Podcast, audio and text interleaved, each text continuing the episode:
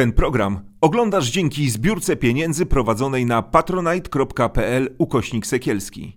Zostań naszym patronem. Nazywam się Gośka Serafin i choruję na depresję. Chcę Wam pokazać, że można z nią żyć i nie jest to powód do wstydu.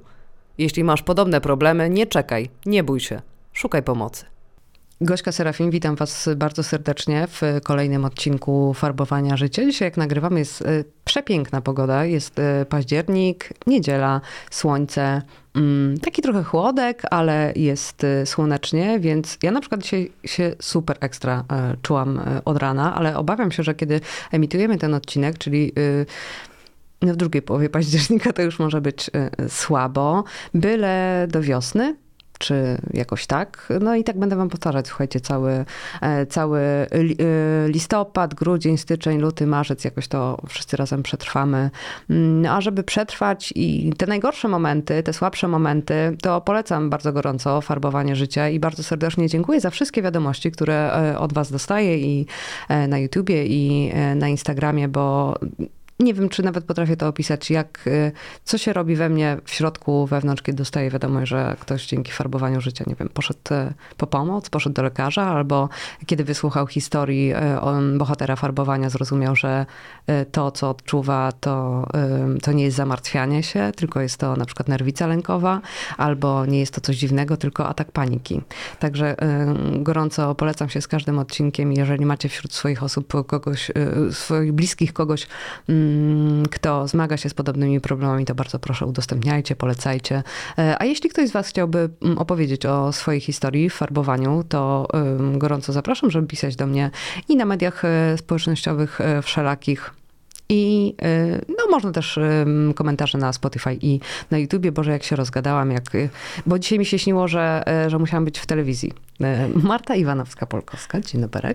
Dzień dobry. Ale się rozgadałam. Śniło mi się dzisiaj, słuchaj, że, że byłam w telewizorze. Nie wiem, czy dlatego, że wczoraj się naoglądałam trochę wiadomości, ale mi się śniło, że, że właśnie tak żyję, jak żyję teraz mhm. i nagle ktoś przychodzi i mówi, że musisz usiąść przed kamerą no obudziłam się spocona i tak dalej, ale pomyślałam sobie, że no tego się trochę e, nie zapomina i taką, mam taką podnietkę czasem, jak się tak e, rozgadam, więc e, już się zamykam.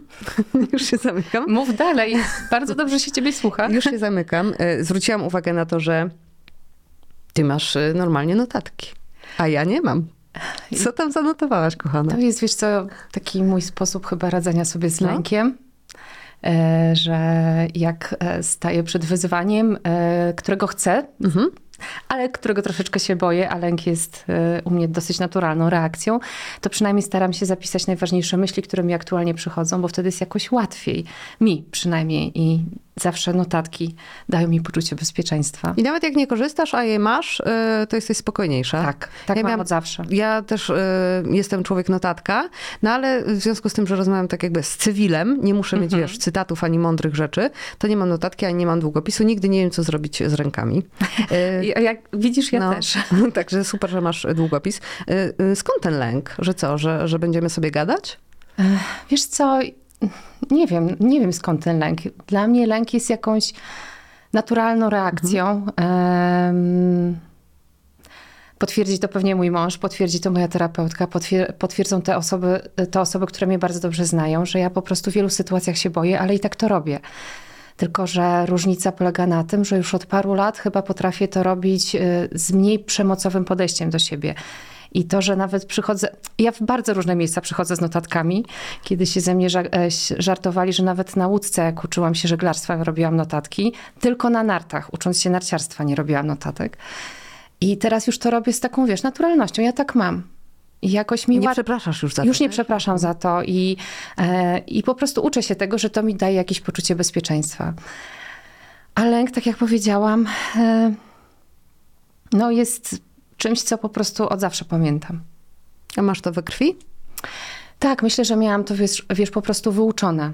Tak, że z jednej strony jako dziecko. Yy, yy, ja właściwie zawsze bałam się dwóch rzeczy. Po pierwsze tego, e, że umrze moja mama, która zachorowała jak miałam 11 lat i ostatecznie umarła jak miałam 23. A druga rzecz to zawsze bardzo się bałam odrzucenia i bardzo się bałam krytyki. Z tym już jest troszeczkę lepiej. Z lękiem przed śmiercią też chyba całkiem nieźle sobie zaczęłam radzić. E, szczególnie, że życie zaprosiło mnie do tego, że naprawdę mam czasami powody, żeby się e, o to bać. E, ale no, uczę się z tym żyć, tak? I jakoś chyba to, że, że też nauczyłam wybierać życie pomimo tego lęku, to jest taki mój lek na ten lęk. I mam, mam to od zawsze, ale mam wrażenie, że od niedawna coraz lepiej sobie z tym radzę, nie? Ale masz e, zdiagnozowaną nerwicę lękową, lęk uogólniony, który jest w ogóle uważam, naj, naj, najgorszy, no bo tam już jest e, wszystko, nie? Czyli po prostu wszystko jest e, lękiem. Czy to byś w takie intensywne zamartwianie się, jakby jeszcze nie, nie taka nerwica lękowa i nie taki lęk, który paraliżuje cię przed działaniem, ale taki, wiesz, wieczny pesymizm. Nie, to mm, nie mam pesymizmu. Raczej mhm. jestem w ogóle dziewczyną od nadziei i od optymizmu. E, tego nie mam. E, mam myśli takie ruminujące, mhm. tak? Czyli jakby dużo myślę, dużo analizuję. Natomiast moja e, terapeutka powiedziała mi, że bliższe jest e, interpretowanie mnie jako osoby, która po prostu reakcję lękową ma bardzo mocno wdrukowaną w układ nerwowy jako pierwszą. Przy czym, no właśnie, umiem sobie z tym radzić, tak? Więc do nerwicy lękowej jeszcze chyba nigdy nie doszłam, ale też mam taką świadomość, że może kiedyś bym doszła, albo może tego uniknęłam. No i mam za sobą takie dwa mocne e, epizody depresyjne. No, jakby reaktywnie y, na wydarzenia, których doświadczyłam, doświadczyłam depresji i w tej depresji było bardzo dużo lęku, tak? I korzystałam wtedy też z psychoterapii i z leczenia farmakologicznego też. Nie masz wrażenia, że w depresji mm, ten właśnie lęk, kiedy, on się, kiedy depresja się połączy z, ty, e, z tym lękiem, to on odbiera głównie energię?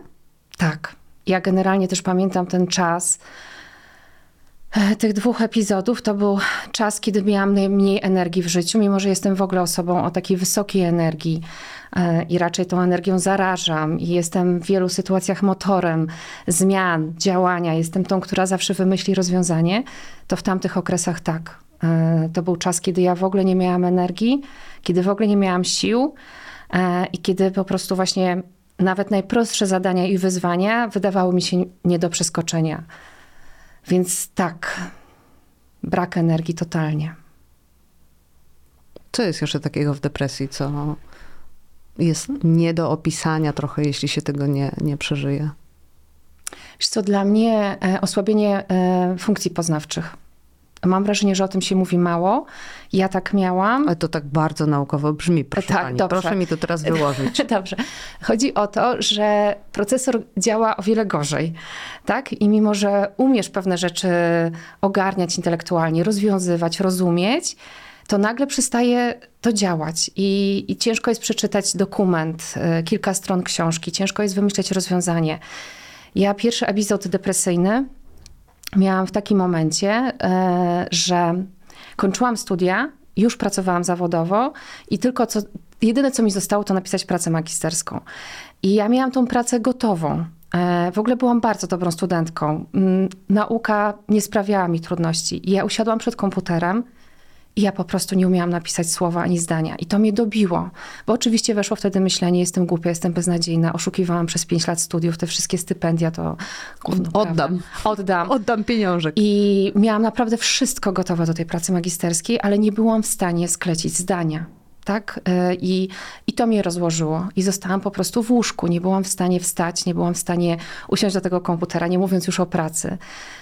E, I to było dla mnie po prostu najgorsze doświadczenie mm, w życiu. I jak drugi raz miałam epizod depresyjny już parę lat później, to miałam w sumie podobnie, tak, że po prostu zadania zawodowe mnie zaczęły przerastać, ale takie zadania, z którymi ja naprawdę wcześniej sobie radziłam.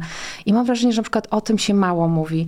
A jak mówię o tym w swoim, że tak powiem, swojej bańce, to nagle się okazuje, że inne osoby chorujące na depresję też to mają. Zresztą to jest tam z jednych tam symptomów, te osłabienie zdolności poznawczych. No ale właśnie to tak brzmi, mm, nawet jak się to wyjaśni, że to osłabienie zdolności poznawczych, to myślisz sobie, a dobra, no z tą koncentracją to w ogóle ciężko zawsze zawsze było, no bo tyle bodźców i tak, Tak. dalej, że zwracamy, wiesz, jednak uwagę na e, takie dużo bardziej hardkorowe rzeczy, na przykład, że no nie wiem, albo myśli samobójcze, albo e, bezsenność, chociaż ja e, podkreślam wszemi wobec i wszędzie, że nawet i bezsenność i wszystkie inne problemy jeszcze nie spowodowały, że ja w ogóle się zorientowałam, że mm, już jestem blisko ściany, tylko dopiero myśli samobójcze, że i wiele osób, z którymi rozmawiałam też dopiero wtedy idzie po pomoc specjalisty, więc y, trochę tak oszukujemy samych siebie, albo że może jutro będzie, no bo to jeszcze mm, problem ze, z tymi zdolnościami mm, poznawczymi to jeszcze nie jest cierpienie.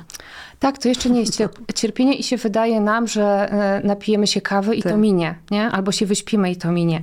E, e, To ja oprócz jakby tych obniżonych zdolności poznawczych i oprócz tego, że totalnie mi zabrakło energii do działania, to ja na przykład jeszcze miałam bardzo dużą mm, drażliwość, tak? taką wypuchowość, e, taką... Ja w ogóle też jestem osobą taką emocjonalną i wszyscy to znowu z mojego bliskiego określenia powiedzą, ale wtedy to po prostu było mnie do wytrzymania, tak? Wszystko mnie drażniło, wszystko mnie rozczarowywało, e, więc, no ale znowu, no to było takie obniżenie nastroju, to była taka drażliwość, ale no w moim przypadku to jednak było kluczowe, tak? Szczególnie, że drugi epizod depresyjny miałam już e, w tym momencie życia, kiedy miałam dzieci. E, Więc to bardzo wpływało na dobrostan rodziny, tak? I na nasze relacje po prostu rodzinne, bo ja byłam wtedy no, trudną mamą, tak, tak sobie myślę. Na szczęście w tym drugim przypadku ja już bardzo szybko zareagowałam. Bardzo szybko. A wtedy, y, jak skończyłaś studia, to ile sobie połaziłaś jeszcze w tym n- jeszcze niecierpieniu tak strasznym, żeby... Znaczy ja myślę, że ja w ogóle chodziłam długo w takim cierpieniu, bo Jak sobie człowiek tak myśli potem, nie? Ile, jak długo jest do dupy?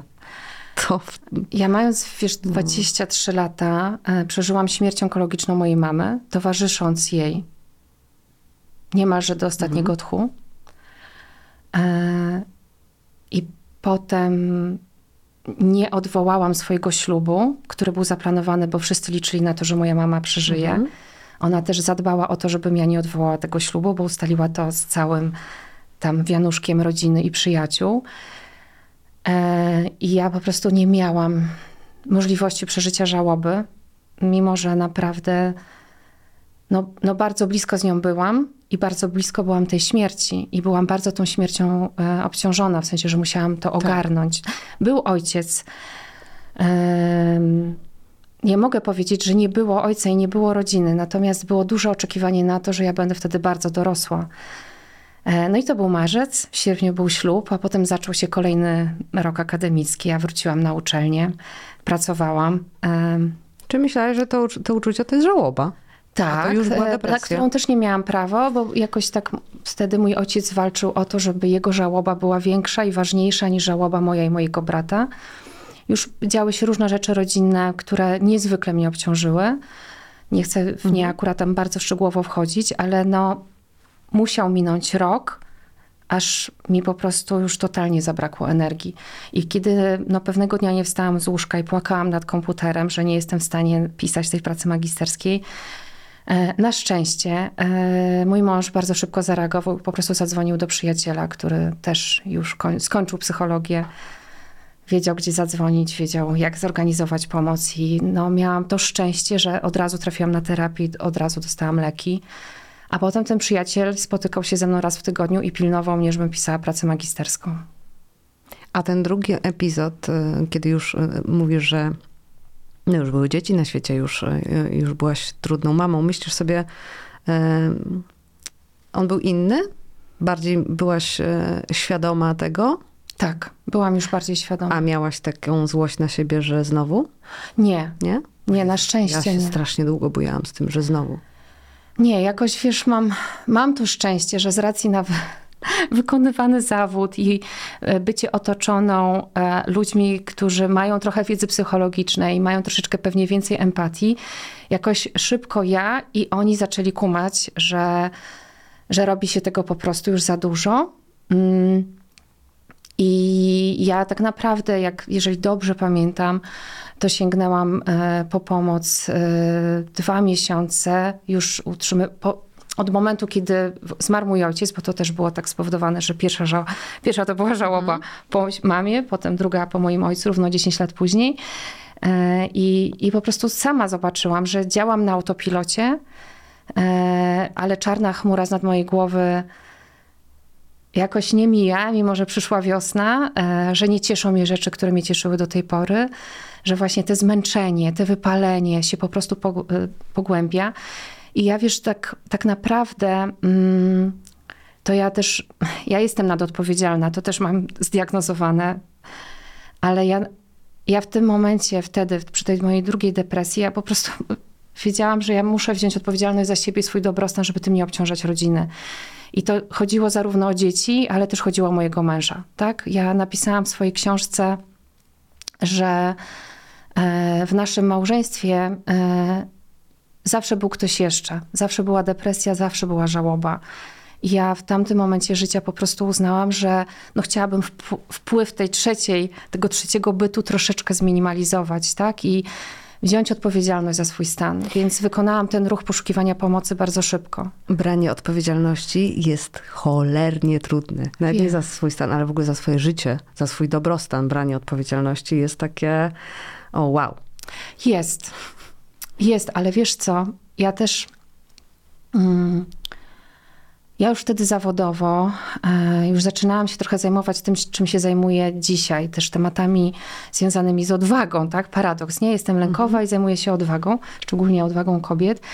I ja już wtedy mm, e, czytałam o tym mechanizmie przerzucania winy na innych. I ten mechanizm przerzucania winy i przerzucania przez to odpowiedzialności na innych, to był mechanizm, który zru- zrujnował mi życie. Mój ojciec był taką osobą. On był cholernym blamerem. To jest określenie z Brené Brown, tak? Ona nas, tak nazywa osoby, e, które, które przerzucają winę na innych. I ja bardzo tego doświadczałam. Ja doświadczałam tego jako małe dziecko. Ojciec jak mm, wracał z pracy i nie mógł sobie z czymś poradził, to skanował otoczenie i szukał winnego i najczęściej to byłam ja. Byłam starszą siostrą. Nie twierdzę, że mój brat nie obrywał, też obrywał, ale ja, ja czuję, tak? Mogę mówić ze swoje emocje, że naprawdę od, odczuwałam to bardzo mocno. Jest nawet na ten temat pewna taka zabawna anegdota, którą mogłabym przytoczyć. Ale ja po prostu byłam po drugiej stronie tego blamerowania. Ja w pewnym momencie, i to był już wtedy ten moment mojego życia, że ja stwierdziłam, że ja muszę zacząć z tym pra- pracować, bo ja to kurwa podaję dalej. Ja przerzucam tą winę na innych, ja e, przerzucam na nich odpowiedzialność.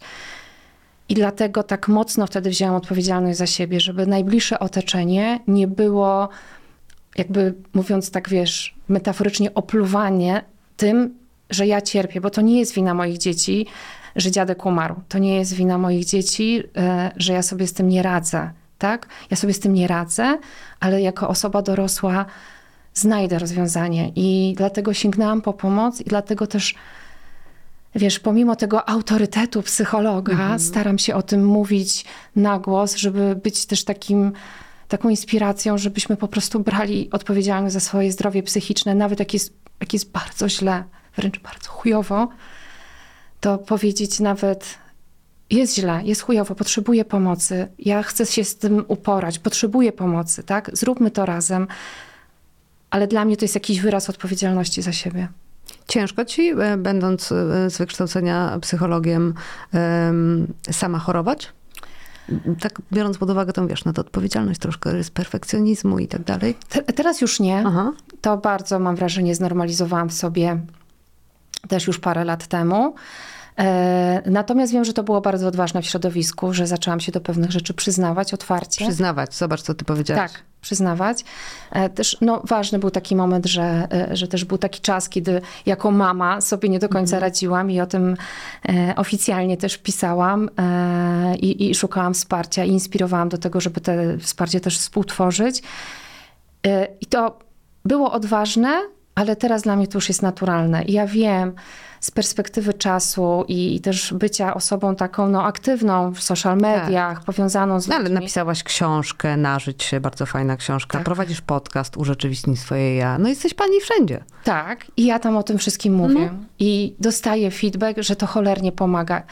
I dla mnie to też jest jeden ze sposobów do radzenia sobie z lękiem. Poszukiwanie sensu, poszukiwanie znaczenia, nadawanie znaczenia. Myślę sobie, że jeżeli moja historia e, jakoś służy, to, to staram się to robić. Natomiast wiesz, parę razy w swoim życiu spotkałam się z opinią, że ja jako psycholog powinnam sobie radzić. Że ja jako psycholog e, na przykład powinnam lepiej coś rozumieć. Mm, I to zazwyczaj było e, używane w takich sytuacjach społecznych, rodzinno-przyjacielskich, kiedy wiesz, ktoś próbował mnie no, nadużywać, przekraczać moje granice i wtedy padało te, te słowo, ty powinnaś bardziej panować nad sobą, albo ty, nie powi- ty powinnaś bardziej rozumieć, w związku z tym wycofać się z komunikowania swoich granic. Spotkałam się z tym, ale coraz częściej. Ale wiesz, ruszało cię to wcześniej? Wcześniej tak, ale mam na szczęście wiesz, już takie przekonanie, że to nie musi mnie ruszać, że to nie jest o mnie, że nie ma, że, że psycholog to zawód, ale oprócz tego jestem Martą, która czuje, przeżywa, ma swoją historię i choć bardzo dobrze wiesz, e, funkcjonuję zawodowo, uczę się, rozwijam, to też nie zawsze jestem zasobna tak, żeby skorzystać ze wszystkich narzędzi, o których wiesz, nawet napisałam w książce. I wiem, że na przykład to sprawiło, że ta książka jest tak dobrze odebrana, tak? Że po prostu tam nie ma bullshitu, powinnaś robić to i to, tylko ja też tego nie umiem. Ja też tutaj się potykałam. Ja też tutaj się bałam, ja też tutaj nie wiedziałam, co zrobić, albo ja też, nie wiem, mam takie chwile, że chcę wyjść i nie wychodzić spod koca. No ale zobacz, tak jakby, nie wiem, em, ortopeda przez sam fakt, że jest ortopedą, nie miał jakby trochę prawa do złamania nogi, nie? Albo że powinien po prostu być e, tak zajebiście uważny całe życie, żeby nie, nie złamać nogi. Albo, nie wiem, diabetolog, że no, mieć cukrzycę to wstyd, Tak. nie? Ale zobacz, jeszcze by było oczekiwanie, że temu ortopedzie ta noga się bardzo szybko i łatwo zrośnie. Tak, tak. A dobrze wiemy, że nie zawsze tak jest, nawet jeżeli masz do, dobrego ortopeda i sam, samemu jesteś ortopedą. No właśnie, a u nas od psychologów często oczekuje się, że my mamy być tacy nieskazitelni. E, W każdej sytuacji, w każdej relacji. A to po prostu nie jest, nie jest łatwe. Dodatkowo ten zawód też bardzo mocno obciąża i trzeba niezwykle dbać o higienę, żeby po prostu nie przegiąć w tej nadmiernej empatii wobec świata. Mm. A masz takie poczucie, że jak tak i, i mówisz o tym i w ogóle jakoś tak dopuszczasz takie, że tak się łatwiej żyje? W sensie, że Tak. masz tak jakbyś, wiesz, zrzuciła, zrobiła po prostu kacpupę, nie? Tak. Że po prostu luz jest. Tak, tak, tak, e, bo mam wrażenie, że jest mniejsze prawdopodobieństwo, że ludzie będą mieli wobec mnie błędne oczekiwania, a rozczarowywanie bardzo boli. Zresztą jest udowodnione, że kobiety też bardzo boją się rozczarowywać innych i to pewnie też był jeden z tych lęków, który gdzieś tam mi się, wiesz, wokół tego lęku przed krytyką rozwinął. I w momencie, kiedy jestem autentyczna i mówię szczerze, jak jest, to jest szansa, że ktoś nie zbuduje wokół mnie jakiegoś nieracjonalnego, w ogóle nieadekwatnego do mojej osoby oczekiwania. Oczywiście zdarza się, że nadal te oczekiwania są, no ale wtedy możemy o tym porozmawiać, tak? Ale ja staram się być e, jak najbardziej szczerą i autentyczną mm, osobą w takich sytuacjach. Ale jest tak trochę, że właśnie ta szczerość jest y, w mniejszości. Zauważyłaś to? Bo ja na przykład y, i zupełnie, nie wiem, jakoś tak zjeżdżam. Krzysiu, przepraszam, ruszę się, ale muszę. Ym, Zauważyłam, że jak jestem szczera, autentyczna i tak dalej, y, to jakby nie wszyscy to dźwigają. W sensie, mm, no, że łatwiej było tam, wiesz, grać w tę grę, prężyć muskuły i stroszyć pióra, niż y, rozmawiać szczerze, otwarcie y, o rzeczach, emocjach, potrzebach i nie wszyscy sobie z tym radzą. No i dlatego Brené Brown w swoich badaniach wykazała, że największą odwagą w dzisiejszych czasach jest bycie sobą, czyli wyrażanie swoich opinii, swoich myśli, swoich motywacji i swoich emocji. I bycie szczerym jest w dzisiejszych czasach aktem największej odwagi. E, To nas więcej często kosztuje niż, nie wiem, podróż nieznane, skoczyć na bungee czy zanurkować w głębiny. My bardzo, my naprawdę znaczy teraz troszeczkę uogólniam, ale no cytuję badania Brené e, i słyszę to po prostu na warsztatach, na sesjach, które prowadzę, że naprawdę my boimy się wyrażać to, co naprawdę czujemy, bo właśnie boimy się krytyki, boimy się odrzucenia, boimy się, że ktoś nam zamknie jakieś drzwi albo nie otworzy kolejnych. E, I szczerość jest jednocześnie jest czymś, o czym marzymy, za czym tęsknimy, a jednocześnie bardzo się tego boimy. I bardzo chcemy, żeby inni byli w relacji z nami szczerzy i autentyczni, ale sami boimy się tacy być. Tak? Jakby często. Ja na przykład e, prowadzę warsztaty, na których jest bardzo dużo szczerości, bardzo autent- dużo autentyczności, i często uczestniczki tych warsztatów mówią: Marta, ja nigdy nie prowadziłam takich rozmów jak tu. Ja nigdy nie byłam tak szczera, tak prawdziwa w mówieniu o swojej historii, swoich doświadczeniach, ale też swoich marzeniach i swoich bardzo elementarnych potrzebach. I często dochodzimy w czasie takich e, rozmów do takiego wniosku, że po prostu kurwa trzeba zacząć. Że ktoś musi być pierwszy. I tak się składa, że ja w wielu środowiskach jestem tą pierwszą. Obrywasz za to? Naprawdę już teraz coraz mniej. Mhm. Znaczy wiesz, mogę powiedzieć coś takiego, że pewnie z biznesowego punktu widzenia ominęło mi wiele współprac i wiele kontraktów i wiele firm nie zaprosiło mnie do współpracy właśnie dlatego, że jestem tak szczera i tak odważna i tak żywa i tak prawdziwa. Ale z drugiej strony nie, nie myślę o tym i póki co ja nie, nie chcę mówić, że mi się ta szczerość opłaca, bo to by było spłaszczenie tej szczerości, ale widzę, że to jest coraz lepiej przyjmowane. Że to jest po prostu potrzebne. I jak nawet się komuś to nie podoba, to niech ta osoba omija mnie szerokim łukiem. Po prostu. To nie musimy, już nie jestem pomidorowa. Nie wszyscy muszą mnie lubić. Ale widzę, że jest coraz więcej osób, którym jest dobrze z taką szczerością i chcą o tym szczerze i odważnie rozmawiać. Jak ty sobie, e, so, sobie, sobie o się dbasz? Jak, jak o swój dobrostan dbasz? Na przykład właśnie wróciłam z Podlasia. O! Czyli by, byłaś w zieleni. Byłam w zieleni, byłam w prawdziwym lesie i zbierałam wczoraj grzyby, które po prostu kocham, kocham zbierać. I to było wspaniałe, a wieczorem widzieliśmy się mm, z rodziną mojego męża, z którymi mamy bardzo dobry flow i byli ich przyjaciele i obśmieliśmy się do północy z bardzo głupich rzeczy, ale w bardzo dobrym stylu. I, I to są chyba takie dwa największe filary mojego dobrostanu, natura I ludzie? i ludzie. Tak. Do tego mogłam pewnie dołożyć muzykę, którą kocham i można mnie spotkać w Warszawie, jak tańczę w samochodzie na, w korku. Tak? Tak. Wariatka. Bardzo. Bardzo wariatka. Mm, Bardzo, ale bardzo bezpiecznie jeżdżę, y, wiesz, 20 parę lat za kółkiem i tylko jedna stłuczka. E, Więc naprawdę to mi nie przeszkadza być bardzo dobrą e, kierowniczką, że tak powiem, czy kierowczynią. E, Więc muzyka, i pewnie bym dodała jeszcze książki i filmy i podróże. Mm, Kiedy na to czas, proszę pani? Wiesz co, staram się jeść to małą łyżeczką. Mhm. I każdego dnia po prostu o tym pamiętać. I nawet jak nie mogę pójść do lasu, e, to, to chociaż, wiesz, posiedzę chwilę na balkonie w miejscu, w którym pracuję i popatrzę na szumiące za oknem drzewa. Jeśli mm, nie mogę iść na koncert, które koncerty mnie też bardzo dobrze regulują, no to będę puszczała mocną muzykę w samochodzie, tak? E, Zjem coś dobrego, wyśpię się. I zawsze, ale to zawsze można zadzwonić do przyjaciółki czy do innej bliskiej osoby. Ktoś ostatnio z mojej bańki udostępnił mm, taki wyniki badań, mm, chyba harvard, harwardzkie, że jednym z takich wskaźników dobrostanu psychicznego jest właśnie to, ile mamy znajomych, bliskich osób. I to nie musi być tam, wiesz, 150 tysięcy na Facebooku czy na Instagramie, tylko że po prostu mamy... Ja jakąś- mam 12 tysięcy tylko na Instagramie. to ja mam jeszcze mniej. ja mam jeszcze mniej i zobacz, i żyję. Ale chodzi o to, że y, no, no masz parę tych osób, do których możesz zadzwonić, nie? I jak y, przyniosłam e, te wyniki do domu, to opowiedziałam o nich moim mężowi, moim synom, bo my też dużo o takich tematach gadamy. E, I ja powiedziałam, chłopaki, nie jest źle. Tak? Że pomimo tych różnych naszych wyzwań, całej naszej rodziny, my zobaczcie, my mamy swoją paczkę. Zobaczcie, jak wyglądają nasze wakacje, że my tu z tymi, tu z tamtymi.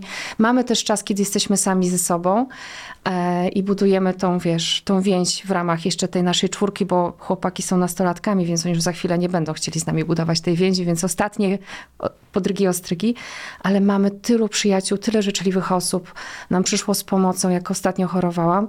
I to świadczy o tym, że mamy szansę na zdrowie psychiczne, że wyjdziemy z tych różnych naszych wyzwań e, po prostu silni, bo są ludzie. A co ci szkodzi? Co mi szkodzi? To dobre pytanie.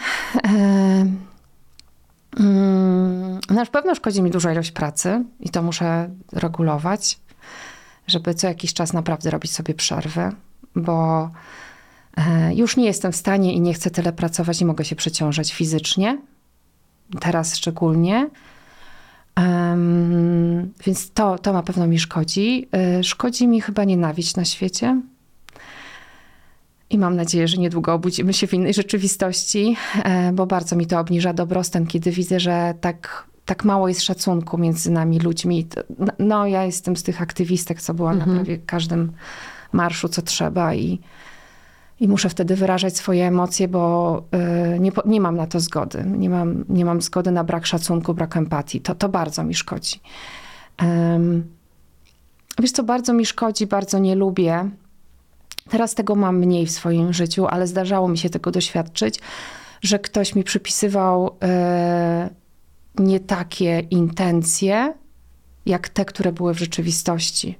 Wmawiał mi inne motywy działania niż te, jakie A były. to cię boli, rani? Bardzo, bardzo. Bo wiesz, przy tej szczerości, autentyczności i To takim jeszcze też bardziej boli, nie? Niż jakbyś tam Dłuższe. waliła ściemę, grała rolę i Tak. ktoś by tam nie, nie skumał, że Tak, tak. to Wiesz, chodzi. tym bardziej, że mm, staram się od wielu, wielu lat, bo taki mój własny rozwój psychologiczny, oprócz tego, że studiowałam psychologię, ale mój własny osobisty rozwój psychologiczny też zaczęłam w czasie studiów, bo wtedy robiłam pierwsze szkoły trenerów. Ja naprawdę no, od tych dwudziestu paru lat jestem w ścieżce samorozwoju i samoświadomości, więc ja zazwyczaj wiem, jaki jest motyw mojego działania.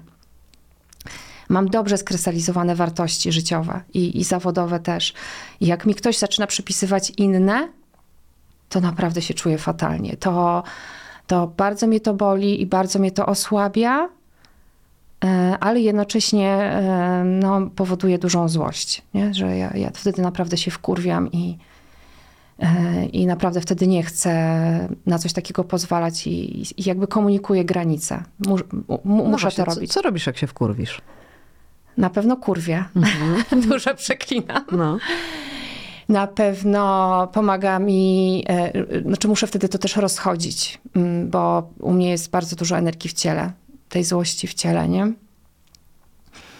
E, Jeśli to są tematy polityczne, to idę na manifestacje i drę mordę jak tylko mogę, bo takie, wiesz, kolektywne wyrażanie złości uważam, że jest super, a wszystkie manifestacje, w których ja brałam udział, no jednak e, są też pokojowe ostatecznie, tak? Nie niszczymy, tylko wyrażamy swoje zdanie.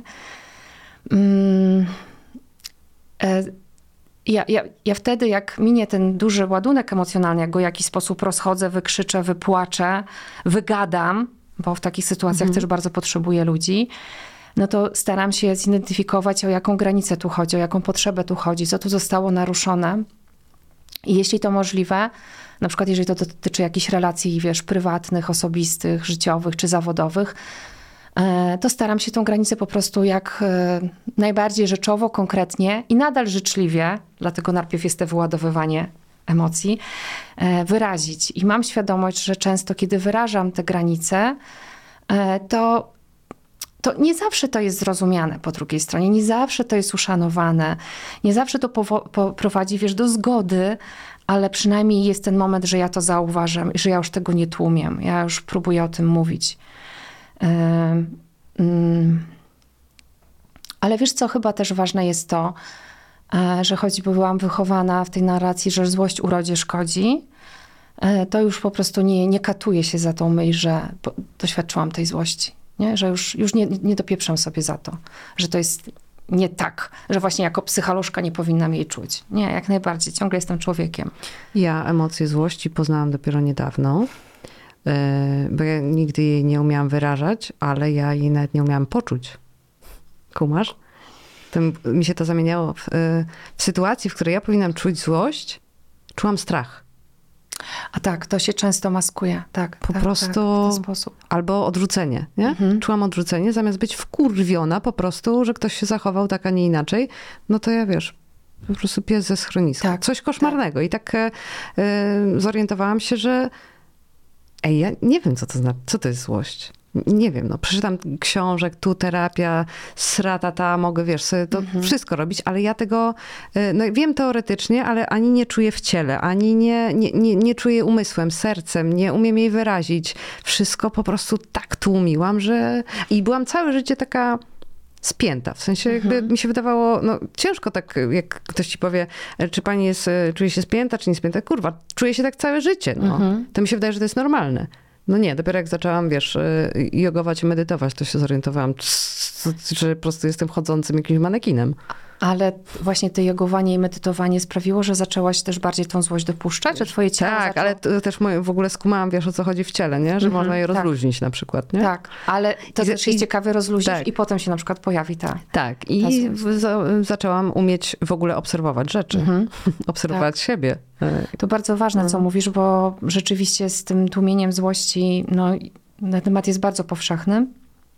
Mm, I, nie, I myślę sobie, że to też się bierze z tego, że my jako kobiety no, jesteśmy bardzo wychowywane Tak. do tego, że nie, nie mamy prawa te, tą, tą złość czuć, że właśnie złość urodzie szkodzi, co się tak denerwujesz, pewnie masz okres, albo jak jesteś starsza, masz menopauzę i tak dalej. I, I że właśnie my powinniśmy być grzeczne i takie ułożone i zawsze kontrolujące emocje. A wiesz, że to prowadzi do e, poważnych skutków zdrowotnych u kobiet?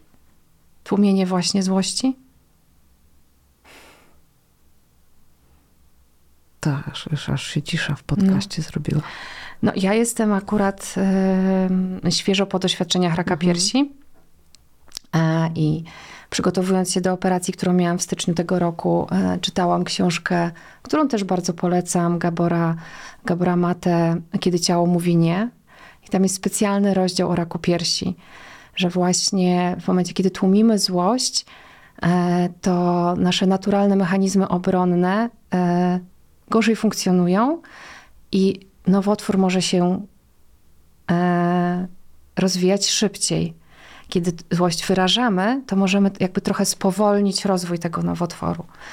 Mój ostatecznie był, był złośliwy, ale leniwy, jak to powiedział jeden onkolog. O, ciekawe, złośliwy, ale leniwy. Tak, i, i kiedy o tym też rozmawialiśmy z moim mężem, bo ja jestem też z, z grupy bardzo, bardzo, bardzo, bardzo, bardzo wysokiego ryzyka, więc to niestety było, mam to zapisane w genach, że zachorowałam. Jak to się mówi, genu nie wydłubiesz. E, Natomiast e, jak o tym rozmawialiśmy, o tym sformułowaniu, że mój nowotwór był leniwy, to mój mąż właśnie tak powiedział, może kurwa to dlatego, że z tą złością nie masz problemu, nie? No. Bo w domu mnie nazywają, naszą, chłopaki o mnie mówią, że mm, no jestem taką chihuahą. To znaczy, że tak blondyneczka, łagodna, ale jak zaszczekam, to mnie słychać. I masz trzech typów w chacie. No, tak? no. no to sorry. No, sorry, inaczej się nie da. I naprawdę każdy po prostu jest bardzo silną osobowością. I w sumie się bardzo z tego powodu cieszę. Chcę, żeby moje dzieciaki były takie silne, wyrażały siebie, no ale to czasami doprowadza do różnych spięć.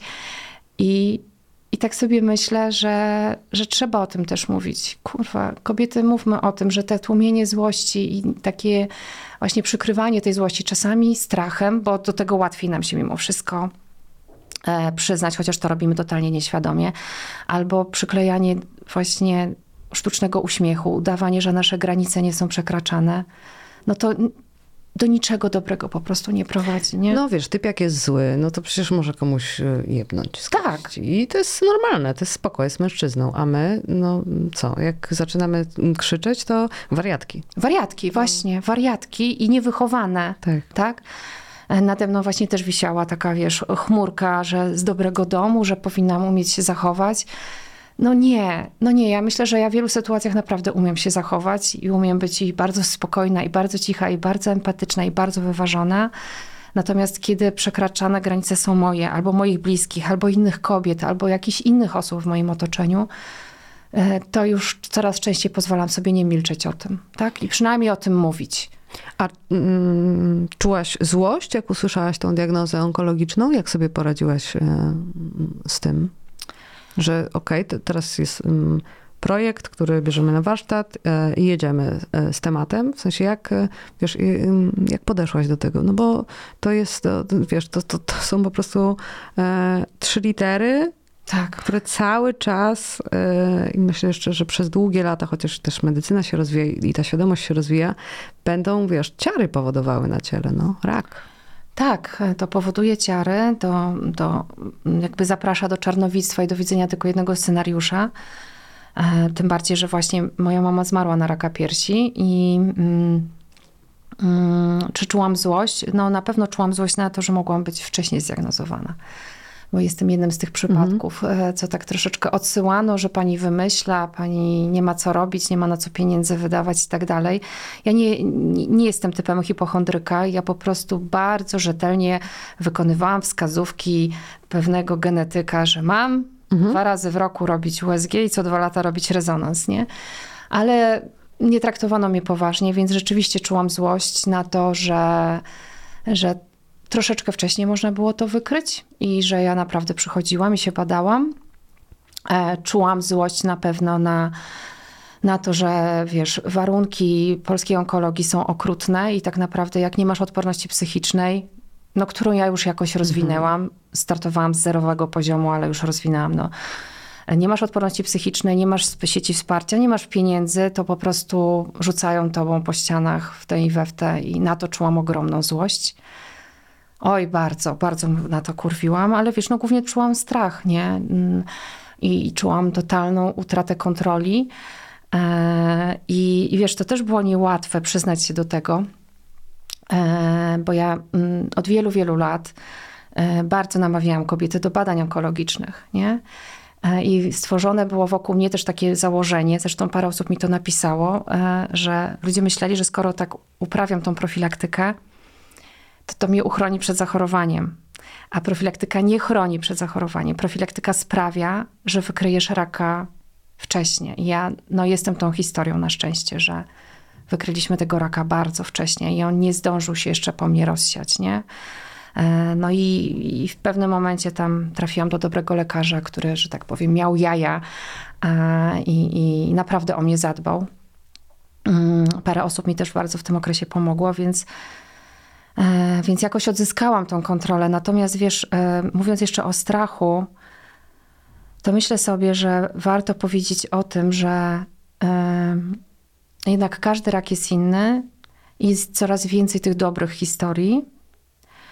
E, I mi parę psychoonkologów, z którymi miałam styczność, powiedziało: Marta, właśnie opowiadaj tą dobrą historię, bo my musimy zmienić te czarnowictwo wokół raka.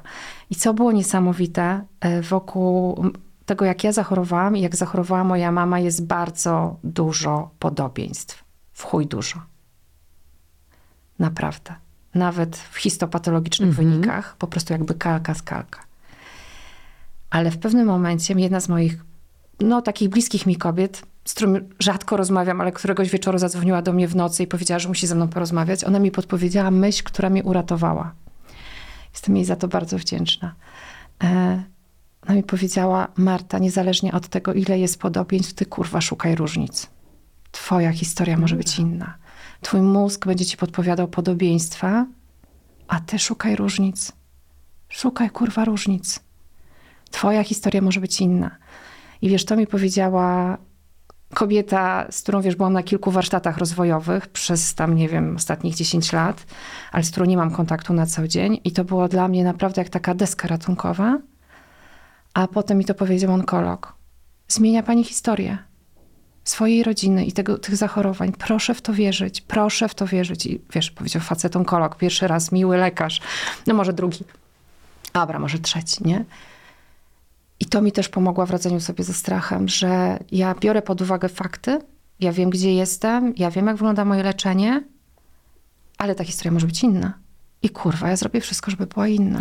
Ale to też y, można zastosować y, na przykład w, w, w swojej własnej terapii albo te, w tym, jak sobie analizujesz swoje życie, nie? Historię rodziny, dobra, było to, jestem obciążona tym, tym, y, mam styl przywiązania taki, bo to i to, Tak. wychowałam się tu i tu, ale szukam różnic, ale chcę, żeby było inaczej, nie? Tak, bo to wiesz, można zastosować do tego, że nie wiem, nasi, moi rodzice się rozwiedli i ja się boję, że ja się też rozwiodę, albo nawet się rozwiodłam, tak? Albo w mojej rodzinie była jakaś kłótnia, e, która doprowadziła do rozpadu rodziny, to pewnie zaraz my się pokłócimy, będzie rozpad rodziny.